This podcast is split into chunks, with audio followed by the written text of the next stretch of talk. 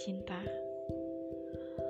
Gue mau berbagi tentang perjalanan cinta yang kali-kalikunya cukup menyakitkan dan membuat happy naik turun.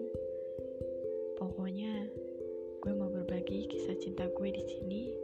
Gue tuangin dengan penuh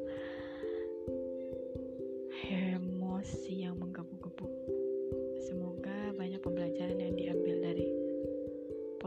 ini.